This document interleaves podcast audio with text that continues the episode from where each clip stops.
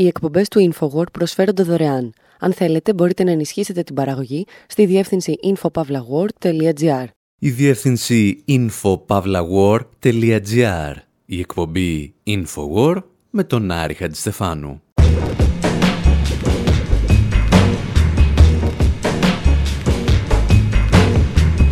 όπου σήμερα συζητάμε για την μεγαλύτερη κλοπή πνευματικής ιδιοκτησίας στην ιστορία του κινηματογράφου. Γιορτάζουμε με τα μουσική στη συμπλήρωση 100 χρόνων από την κυκλοφορία της ταινίας «Νοσφεράτου» το 1922. Πιστεύουμε ότι σήμερα δεν υπάρχει λόγος να φοβόμαστε τα τέρατα της δημοκρατίας της Βαϊμάρης, γιατί ζούμε σε διαφορετική εποχή. Αν εξαιρέσει μια πανδημία, λίγο πληθωρισμό, την ανάδυση φασιστικών κινημάτων και κάτι χρηματοπιστωτικές φούσκες που σκάνε δεξιά και αριστερά. Αναρωτιόμαστε πώς γίνεται να χαρακτηρίζεται αντισημιτική και ρατσιστική μια ταινία την οποία σκηνοθέτησε ένας γκέι που τα είχε με έναν Εβραίο και στην οποία πρωταγωνιστούσε ένας ηθοποιός του Μπέρτολτ Μπρεχτ. Και απαντάμε, όλα μπορεί να συμβούν. Και τέλος, αναρωτιόμαστε αν ο Νοσφεράτου και άλλα βαμπίρ προσφέρονται για την κατανόηση της μαρξιστικής κριτικής στον καπιταλισμό.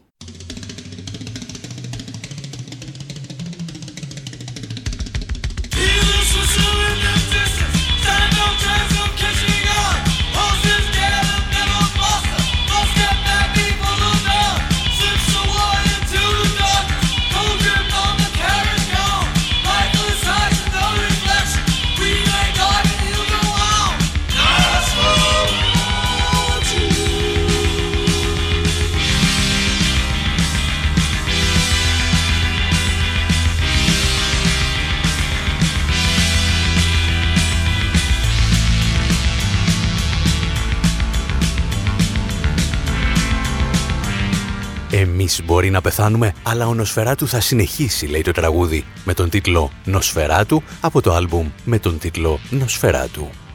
Ένα άλμπουμ τόσο παρανοϊκό, το οποίο έχει ένα τραγούδι αφιερωμένο στο θωρακισμένο βαγόνι τρένου που χρησιμοποιούσε ο Τρότσκι.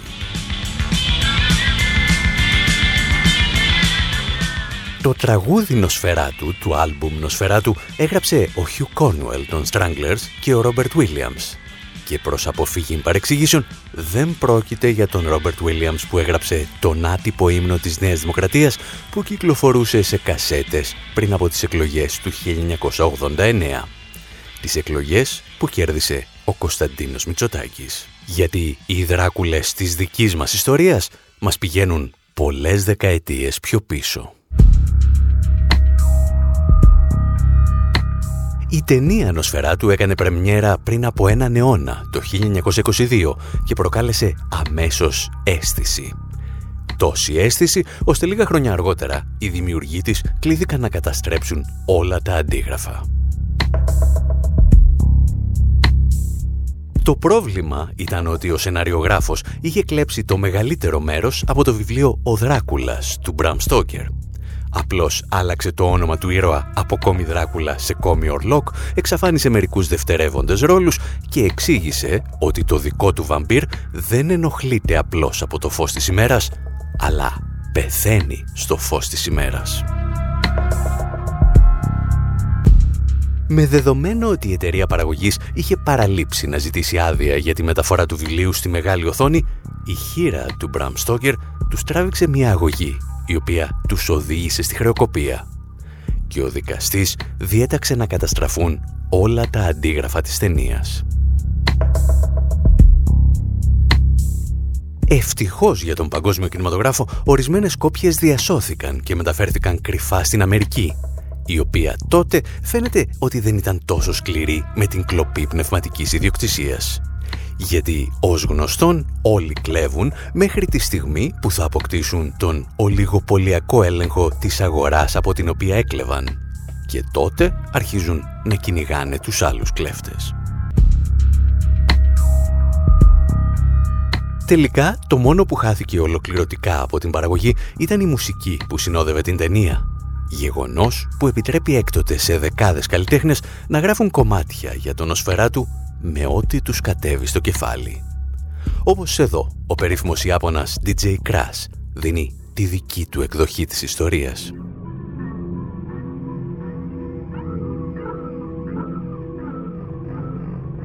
Check. Searching for adventure. Welcome to the dementia. Live censure every message that he meant to. Envision this, your perimeters are limitless. 30,000 feet in the air, we're all there. Standard procedure, land them at Narita. Find Rira, hit the telly for some leisure. Relaxing, looking out over Osaka. Thinking of a line for a rhyme that'll rock ya. On stage, shock ya. Jetting cause I got to hit Tokyo with another dark and lonely flow. Language barrier, like a carrier aircraft. When I move my physical frame, you'll hear math. Numbers crunch your bones well. Struggle through your own hell. Pray you weren't alone when your dome fell. Oh well. Go and grab a mop for the body shop. And while you rot, the dead'll get the fuck up and walk. Strange things happen in the nighttime. When you leave your crib to come and hear a hype rhyme. And the so I've got you. Black Nosferatu. Rock that has sleep with the beat, then I'll shop. Strange things happen in the nighttime. When you leave your crib to come and hear a hype rhyme. And the show, so I've got you. Black Nosferatu. When you're under spell, I'll do what the hell I want.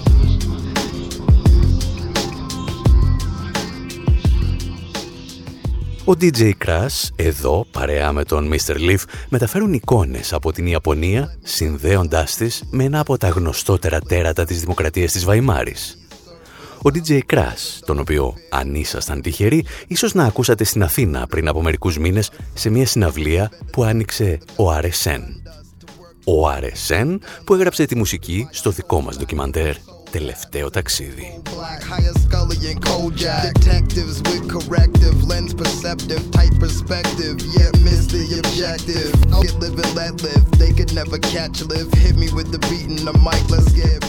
Η ταινία νοσφαιρά του λοιπόν, για να επιστρέψουμε στην ιστορία μας, ξεκινά με μια χρεοκοπία και την παρολίγων ολοκληρωτική καταστροφή της. Τα πραγματικά προβλήματα όμως θα ξεκινήσουν μερικές δεκαετίες αργότερα. Σύγχρονοι κριτικοί κινηματογράφου και πανεπιστημιακοί υποστηρίζουν ότι η ταινία είναι βαθιά αντισημιτική και ρατσιστική και ομολογουμένως έχουν πολλά και ισχυρά επιχειρήματα στη φαρέτρα τους. Πριν από μερικούς μήνες ανέλαβε να τα συνοψίσει ο Τράβις Μάσετ, καθηγητής κινηματογράφου και μέσων επικοινωνίας στο Πανεπιστήμιο Φόρτχαμ της Νέας Υόρκης. The vampire does look like something out of Der Stürmer. There's the, the big hook nose, the talon fingers, the bald head. It really is kind of a, a gross looking Το βαμπύρι στην ταινία μοιάζει να έχει βγει από τις σελίδες της ναζιστική εφημερίδας Der Sturmer. Είναι καραφλό με μεγάλη μύτη και χαμψανίχια. Θυμίζει μια χοντροκομμένη καρικατούρα από αυτές που έβλεπες σε αντισημιτικά έντυπα της εποχής.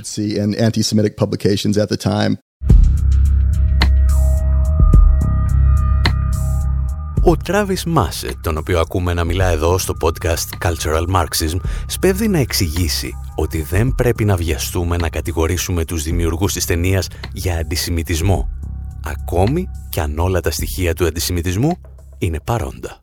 In Weimar Germany, what was considered to be terrifying, what was considered to be horrific, what was considered to be disgusting was um, Στη Γερμανία της Βαϊμάρης, οτιδήποτε ήταν τρομακτικό, αειδιαστικό, συνδεόταν με τους Εβραίους.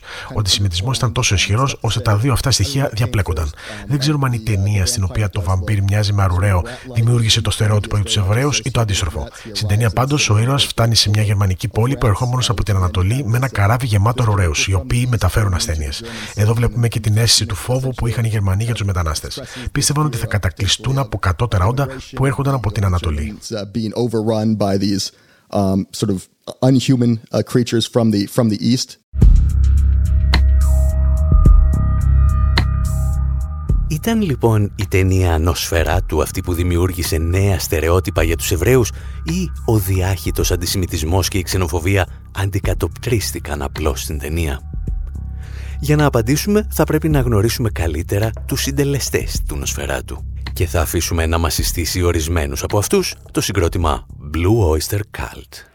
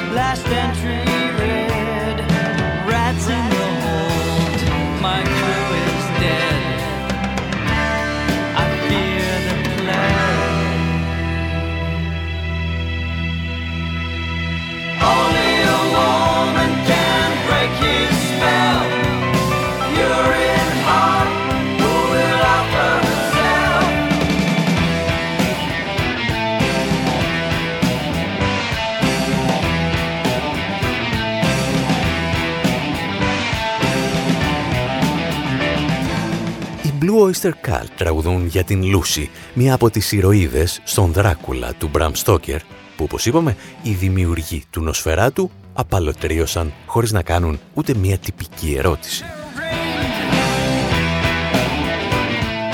Το τραγούδι περιγράφει επίσης την σκηνή με τους αρουραίους που κατεβαίνουν από το καράβι μεταφέροντας μία πανδημία. Μία σκηνή που προκαλούσε τρόμο στη Γερμανία της δεκαετίας του 20, η οποία βίωνε τις άμεσες και έμεσες επιπτώσεις από την ήττα στον Πρώτο Παγκόσμιο Πόλεμο. Εν τέλει όμως, το τραγούδι νοσφαιρά του, όπως και το ομότιτλο του Ρόμπερτ Βίλιαμς που ακούσαμε στην αρχή, είναι αφιερωμένα στον κόμι Ορλόκ και κυρίως στον ηθοποιό που τον υποδίθηκε, τον Μαξ Σρέκ.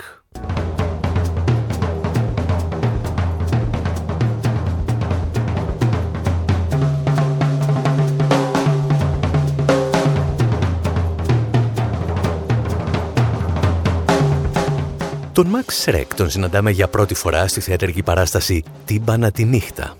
Ήταν το έργο ενός νεοεμφανιζόμενου δημιουργού που άκουγε στο όνομα Μπέρτολτ Μπρεχτ και ακόμη δεν ήταν σίγουρος αν ήταν μαρξιστής ή τουλάχιστον δεν το εξέφραζε δημόσια.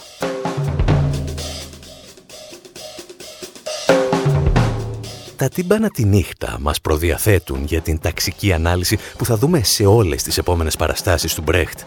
Η πλοκή μάλιστα εκτιλήσεται με φόντο την εξέγερση των Σπαρτακιστών στο Βερολίνο και αρχικά ο Μπρέχτ σκεφτόταν να ονομάσει την παράσταση Σπάρτακους προς τιμήν της Ρόζα Λούξεμπουργκ και του Καρλ Λίπνεχτ που είχαν μόλις εκτελεστεί.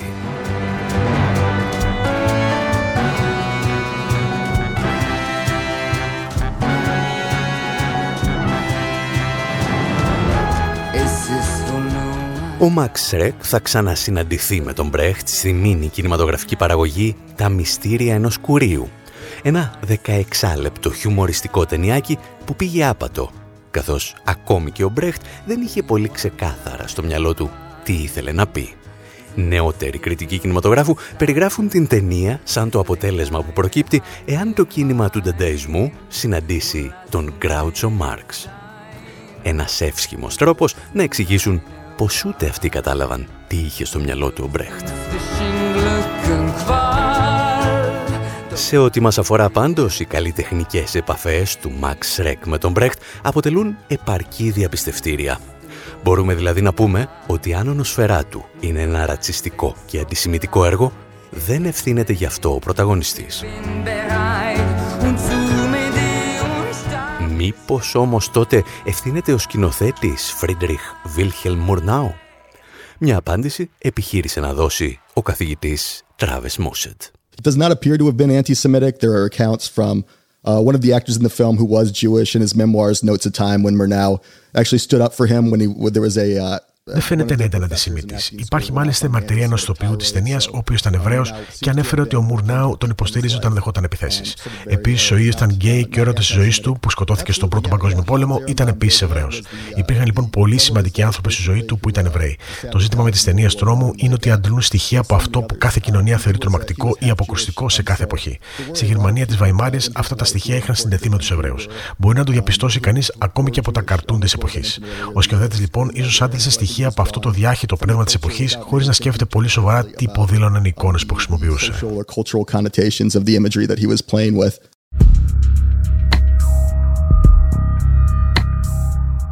Μπορεί λοιπόν ένας σκηνοθέτης να δημιουργήσει μια αντισημιτική ταινία χωρίς να το καταλάβει; Ο καθηγητής κινηματογράφου και μέσων επικοινωνίας Travis Mosset πιστεύει ότι μπορεί. Ίσως γιατί δεν ήταν αρκετά προσεκτικός ή ίσως γιατί μια ολόκληρη κοινωνία ήθελε να δει στην ταινία του τις δικές της προκαταλήψεις. Δεν είμαστε σίγουροι ότι συμφωνούμε απόλυτα με αυτή την εξήγηση. Κάθε δημιουργός πρέπει να έχει απόλυτο έλεγχο του έργου του και να αποφεύγει τέτοιες παγίδες, αν χρειαστεί, ερχόμενος σε σύγκρουση με το κυρίαρχο ρεύμα. Έχει πάντως ενδιαφέρον να δούμε πως ακόμη και θεωρητικά απολύτικες κινηματογραφικές παραγωγές μπορεί να αναπαράγουν τα πιο φρικτά στερεότυπα, εάν αυτά συμβαδίζουν με την κυριαρχία αφήγηση της εποχής.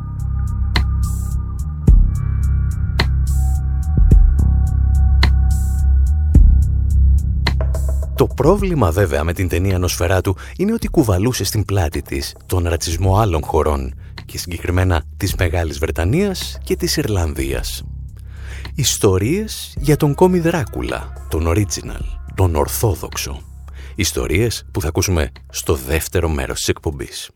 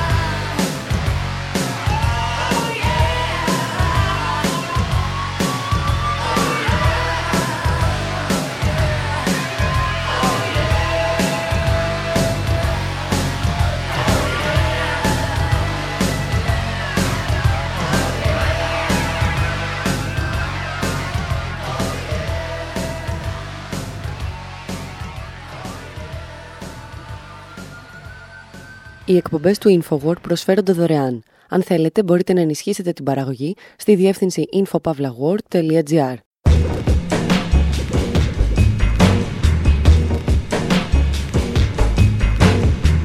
Εκπομπή InfoWord συνέχεια.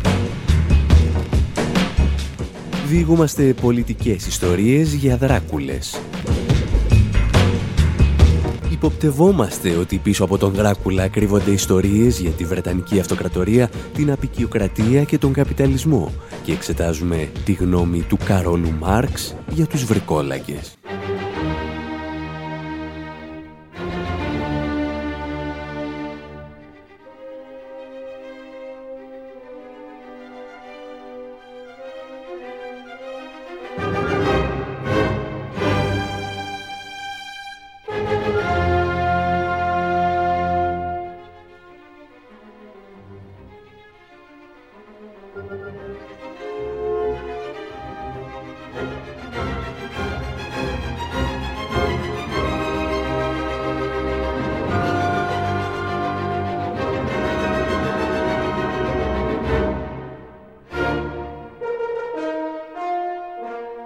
Μπετόβεν είχε ολοκληρώσει πριν από μερικά χρόνια την πέμπτη του συμφωνία και ίσως να την είχαν ακούσει και κάποιοι άνθρωποι που αποφάσισαν να κάνουν τις διακοπές τους το καλοκαίρι του 1816. Σε εκείνες τις καλοκαιρινές διακοπές δημιουργήθηκε ένα παρεάκι από ανθρώπους του πνεύματος που σήμερα θα λέγαμε ότι ανήκουν στον αντιεξουσιαστικό χώρο. Το παρεάκι αποτελούνταν μεταξύ άλλων από τον Λόρδο Βύρωνα, τη Μέρι Σέλεϊ και κάποιον Τζον Πολιντόρι. Και επειδή εκείνο το καλοκαίρι έβρεχε πολύ και οι διακοπές στην Ελβετία είναι ούτως ή άλλως ό,τι πιο βαρετό μπορεί να συμβεί στη ζωή σου, εκείνο το παρεάκι σκέφτηκε να γράψει ιστορίες τρόμου. Εκείνο το καλοκαίρι λοιπόν η Μέρι Σέλεϊ θα δημιουργήσει το τέρας του Φρανκενστάιν και ο Τζον Πολιντόρι δημιουργεί το πρώτο βαμπίρ με τα χαρακτηριστικά ενός αριστοκράτη. Μια φιγούρα από την οποία μερικά χρόνια αργότερα θα προκύψει ο κόμης Δράκουλας. Ιστορίες για αιμοδιψείς κυρίους και βρικόλακες που διηγούνταν μερικούς αιώνες αργότερα και οι Radiohead στο τραγούδι τους We Suck Young Blood. Σου ρουφάμε το αίμα.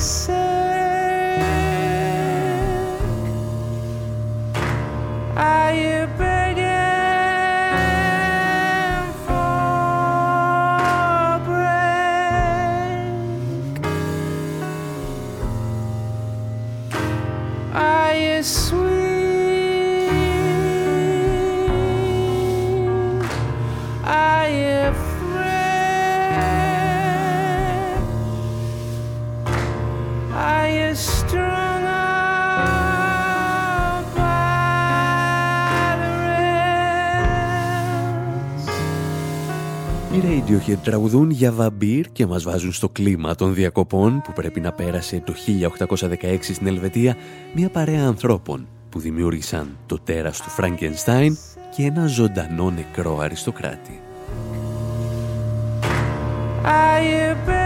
Στο τέλος του ίδιου αιώνα, ο Μπραμ Στόκερ παίρνει την περσόνα του αριστοκρατικού βρικόλακα, την αναμειγνύει με την ιστορία του βοεβόδα Βλάντ του δεύτερου, γνωστού και ως Βλάντ Δρακούλ, και μας προσφέρει τον κόμι Δράκουλα. Έκτοτε δεκάδες ιστορικοί, συγγραφείς και ερευνητές προσπαθούν να καταλάβουν τι ακριβώς συμβολίζει αυτό το ανθρωπόμορφο τέρας το οποίο μας έρχεται από τα Βαλκάνια, ζει στο σκοτάδι και επιβιώνει πίνοντας το αίμα μας.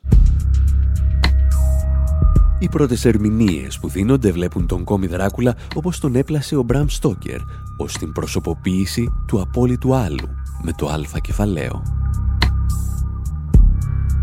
Σύμφωνα με μία ερμηνεία, ο κόμις Δράκουλας εκφράζει τον τρόμο της Βρετανίας του 19ου αιώνα για τη λεγόμενη αντίστροφη απικιοκρατία. Το ενδεχόμενο δηλαδή οι υπηκόοι των Βρετανικών απικιών να καταλάβουν με την παρουσία τους στο Λονδίνο ή να κυριαρχήσουν στις ίδιες τις απικίες αυτό τον τρόμο λέγεται ότι εκφράζουν έργα όπως «Ο πόλεμος των κόσμων» του Herbert Wells, «Η καρδιά του σκότους» του Joseph Conrad, αλλά και βιβλία του Kipling ή του Doyle. Σύμφωνα με μία άλλη ερμηνεία, ελαφρώς πιο γεωπολιτική, ο κόμις Δράκουλας εξέφραζε τη γενικευμένη ρωσοφοβία που επικρατούσε στο Λονδίνο στα τέλη του 19ου αιώνα. Συγκεκριμένα, τα σχέδια συνένωσης όλων των σλαβικών λαών υπό την αιγίδα της Ρωσίας προκαλούσε φρίκη στη Βρετανική Αυτοκρατορία. Μια αυτοκρατορία που είχε μάθει να ελέγχει τα Βαλκάνια με την πολιτική του διέρη και βασίλευε. Και αυτός ακριβώς ο τρόμος αποτυπώθηκε, λένε, στη μορφή ενός αριστοκράτη Δράκουλα που ερχόταν από την Τρανσιλβανία για να πιει το αίμα της νεαρής αστικής τάξης της Αγγλίας. Μιλώντας όμως για αίμα και για αστική τάξη, πλησιάζουμε και στις πιο ενδιαφέρουσες αναφορές στους βρικόλακες που μας έρχονται απευθείας από το κεφάλαιο του Μάρξ. Αυτές τις ιστορίες όμως θα σας τις διηγηθούμε σε λίγο.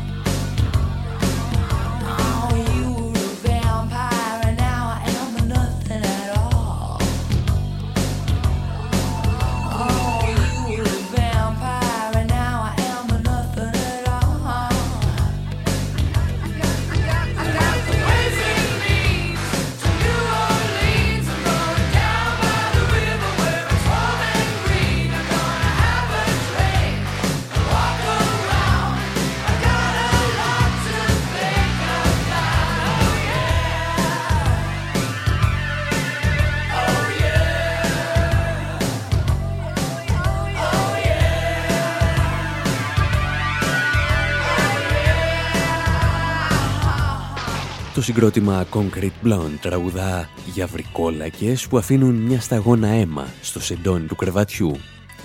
Και με αυτό τους το τραγούδι κερδίζουν μία από τις 15 θέσεις ανάμεσα στα καλύτερα τραγούδια που έχουν γραφτεί για τους ζωντανούς νεκρούς, σύμφωνα τουλάχιστον με το περιοδικό Rolling Stone. Εμείς είδαμε τις πρώτες ερμηνείες για το τι συμβολίζει, κυρίως σε πολιτικό επίπεδο, ο κόμις Δράκουλας έχει έρθει όμως η στιγμή να δούμε τι συμβολίζει και σε οικονομικό επίπεδο. Το γεγονός ότι από τις αρχές του 19ου αιώνα οι βρικόλακες παρουσιάζονται πλέον με τη μορφή ενός αριστοκράτη οδήγησε αρκετούς αναλυτές στο συμπέρασμα ότι ο κόμις Δράκουλας συμβολίζει το αποκρουστικό πρόσωπο του παλαιού συστήματος της φεουδαρχίας. Η ανάλυση αυτή φαίνεται να ταιριάζει και με τις γεωπολιτικές ερμηνείες που έβλεπαν στον κόμι τη ρωσοφοβία του Ηνωμένου Βασιλείου. Η τσαρική Ρωσία συμβόλιζε ταυτόχρονα και την τελευταία μεγάλη φεουδαρχική οικονομία που διεκδικούσε ένα ρόλο στα ευρωπαϊκά ζητήματα. Και η νεαρή αλλά πανίσχυρη αστική τάξη της Αγγλίας είχε κάθε λόγο να την απεχθάνεται. «Για σταθείτε όμως», είπε σχεδόν έναν αιώνα αργότερα ο μαρξιστής κριτικός Φράνκο Μορέτη. Ο κόμις Δράκουλας έχει τα εξωτερικά χαρακτηριστικά ενός ευγενή, αλλά στην πραγματικότητα δεν έχει καμία από τις συνήθειες που συναντά κανείς σε ένα φεουδαρχικό καθεστώς. Το βασικό του χαρακτηριστικό είναι ότι δεν έχει υπηρέτες. Κάνει όλες τις δουλειές μόνος του Φαίνεται, γράφει ο Φράνκο Μορέτη, να έχει διαβάσει τις θεωρίες του Άνταμ Σμιθ περί της μη παραγωγικής εργασίας την οποία εκπροσωπεί ένας υπηρέτης. Μια εργασία η οποία απλώς περιορίζει το εισόδημα του αφεντικού του. Και ο Φράνκο Μορέτη καταλήγει στο συμπέρασμα ότι ο κόμις Δράκουλας είναι ο ίδιος ο καπιταλισμός και μάλιστα στην μονοπωλιακή του μορφή. Τα πώς και τα γιατί θα τα εξηγήσουμε ύστερα από ένα μικρό διάλειμμα.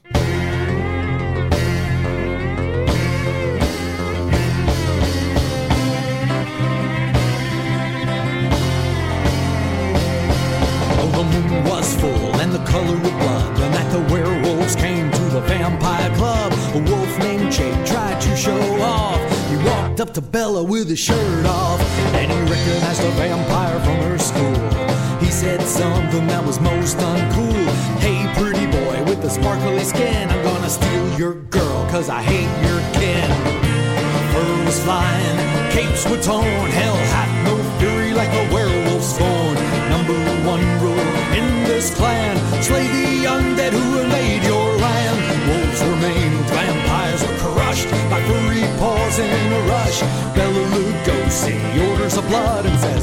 these fools in my vampire club?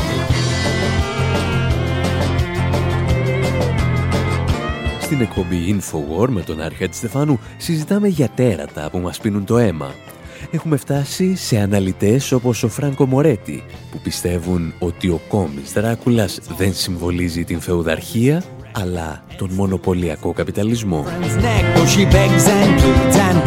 Ο Μορέτη πατάει φυσικά στις αναφορές που κάνει για τους βρικόλαγες ο ίδιος ο Κάρολος Μάρξ. Για την ακρίβεια, ο Μάρξ αναφέρεται τρεις φορές σε βαμπύρ στο κεφάλαιο και αρκετές ακόμη σε άλλα έργα και ομιλίες του. Το κεφάλαιο, έγραφε ο Μάρξ, είναι νεκρή εργασία που σαν βρικόλακας ζει μόνο ρουφώντας το αίμα της ζωντανής εργασίας. Και όσο πιο πολύ αίμα παίρνει, τόσο περισσότερο θα ζήσει. Οι αναφορές σε βρικόλακες αποτελούν μία από τις αγαπημένες μεταφορές του Μάρξ, τις οποίες χρησιμοποιούσε και σε πάρα πολλές ομιλίες του, όπως είπαμε. Η Βρετανική βιομηχανία έλεγε είναι ένας βρικόλακας που τρέφεται από το αίμα των εργαζομένων και δεν διστάζει να πίνει ακόμη και το αίμα μικρών παιδιών. Ο Μάρξ δεν είχε διαβάσει βέβαια για τον κόμι δράκουλα του Μπραμ Στόκερ αφού το βιβλίο κυκλοφόρησε σχεδόν μία δεκαετία μετά το θάνατό του. Ήταν όμως φανατικός αναγνώστης ιστοριών τρόμου, στις οποίες μάλιστα κυριαρχούσαν οι βρικόλακες. Και όπως είδαμε, ο πρώτος βρικόλακας με αριστοκρατική αμφίεση αλλά καπιταλιστική καρδιά είχε γεννηθεί ήδη από το 1816. Οι αναφορές του Μάρξ σε βρικόλακες έχουν απασχολήσει σχολιαστές και διανοούμενους από τον Μορέτη μέχρι και τον Τεριντά συνήθως διαφωνούν μεταξύ τους για το ποια ακριβώς χαρακτηριστικά του κεφαλαίου και της εργασίας έβλεπε στις ιστορίες τρόμου ο Μάρξ. Όλοι όμως φαίνεται να καταλήγουν σε ένα κοινό συμπέρασμα. Βρικόλακας είναι ο καπιταλισμός. Επειδή όμως οι βρικόλακες και φυσικά και ο κόμις Δράκουλας είναι απέθαντοι, σε κάθε εποχή αποκτούν και διαφορετικά χαρακτηριστικά και χρησιμοποιούνται για διαφορετικούς συμβολισμούς. Μια ιστορία που μας φέρνει πίσω στον Μπέλα Λουκόση και τον Κρίστοφερ Λί. Ύστερα όμως από ένα μικρό διάλειμμα.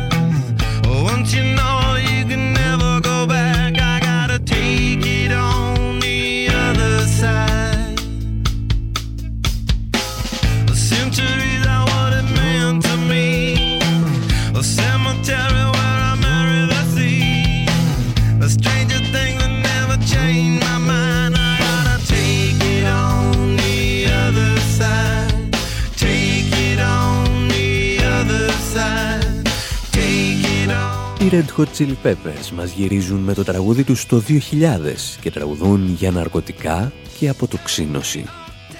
Το βίντεο κλιπ του συγκεκριμένου τραγουδιού όμως, αν θυμάστε, είχε να μας διηγηθεί μια διαφορετική ιστορία. Οι σκηνοθέτες του, ο Τζόναθαν Ντέιτον και η Βάλερη Φάρις, μας εισάγουν στην αισθητική της δεκαετίας του 20 και του 30 εικόνες βγαλμένες από την ταινία τρόμου «Το εργαστήριο του δόκτωρος Καλιγκάρη».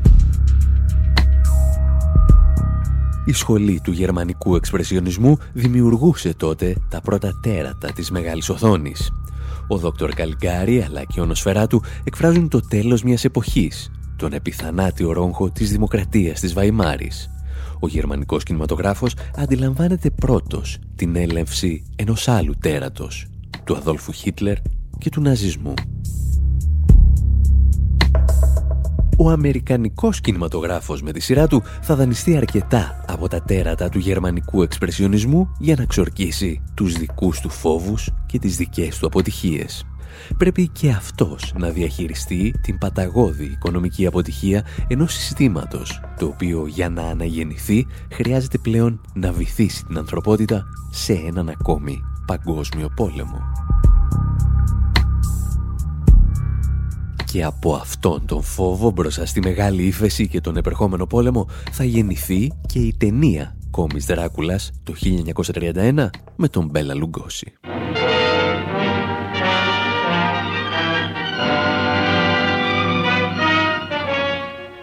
I am Dracula. Very mention of the name brings to mind things so evil, so fantastic, so degrading. You wonder if it isn't all a dream, a nightmare. Rats. Rats. But no, this is no dream. This is Dracula, the original terrifying story of a maniac and a man who lived after death, lived on human blood. Ο Μπελαλουκόση, που όπως είπαμε έπαιξε ενεργό ρόλο στη σοσιαλιστική επανάσταση της Ουγγαρίας, βρισκόταν τώρα στις Ηνωμένες Πολιτείες. Πρωταγωνιστούσε στις ταινίες με τις οποίες το Hollywood προσπαθούσε να ξορκίσει την αποτυχία ενός ολόκληρου οικονομικού συστήματος.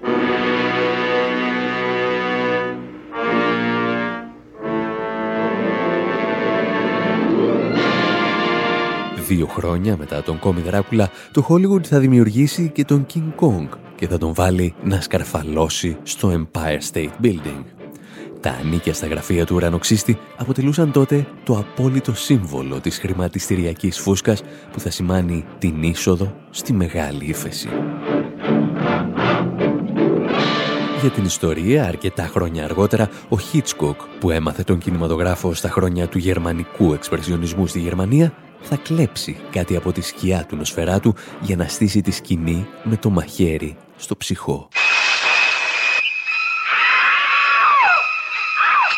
Ο Τιμ Μπάρτον, αρκετές δεκαετίες αργότερα, θα ξανακοιτάξει και αυτό στον γερμανικό εξπρεσιονισμό για να δημιουργήσει την επιστροφή του Μπατμάν το 1992, όσο για το εργαστήριο του Δόκτωρο Καλιγκάρη, πριν το πάρουν μυρωδιά οι Red Hot Chili Peppers, είχε εμπνεύσει και το εξώφυλλο των Bauhaus.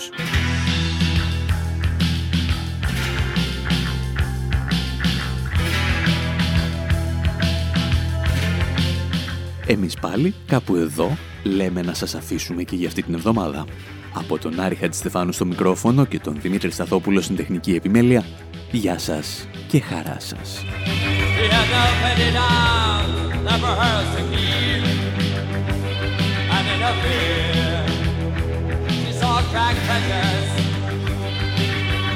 The passion of the buzz is for dashes, lick her lips and touch a feather.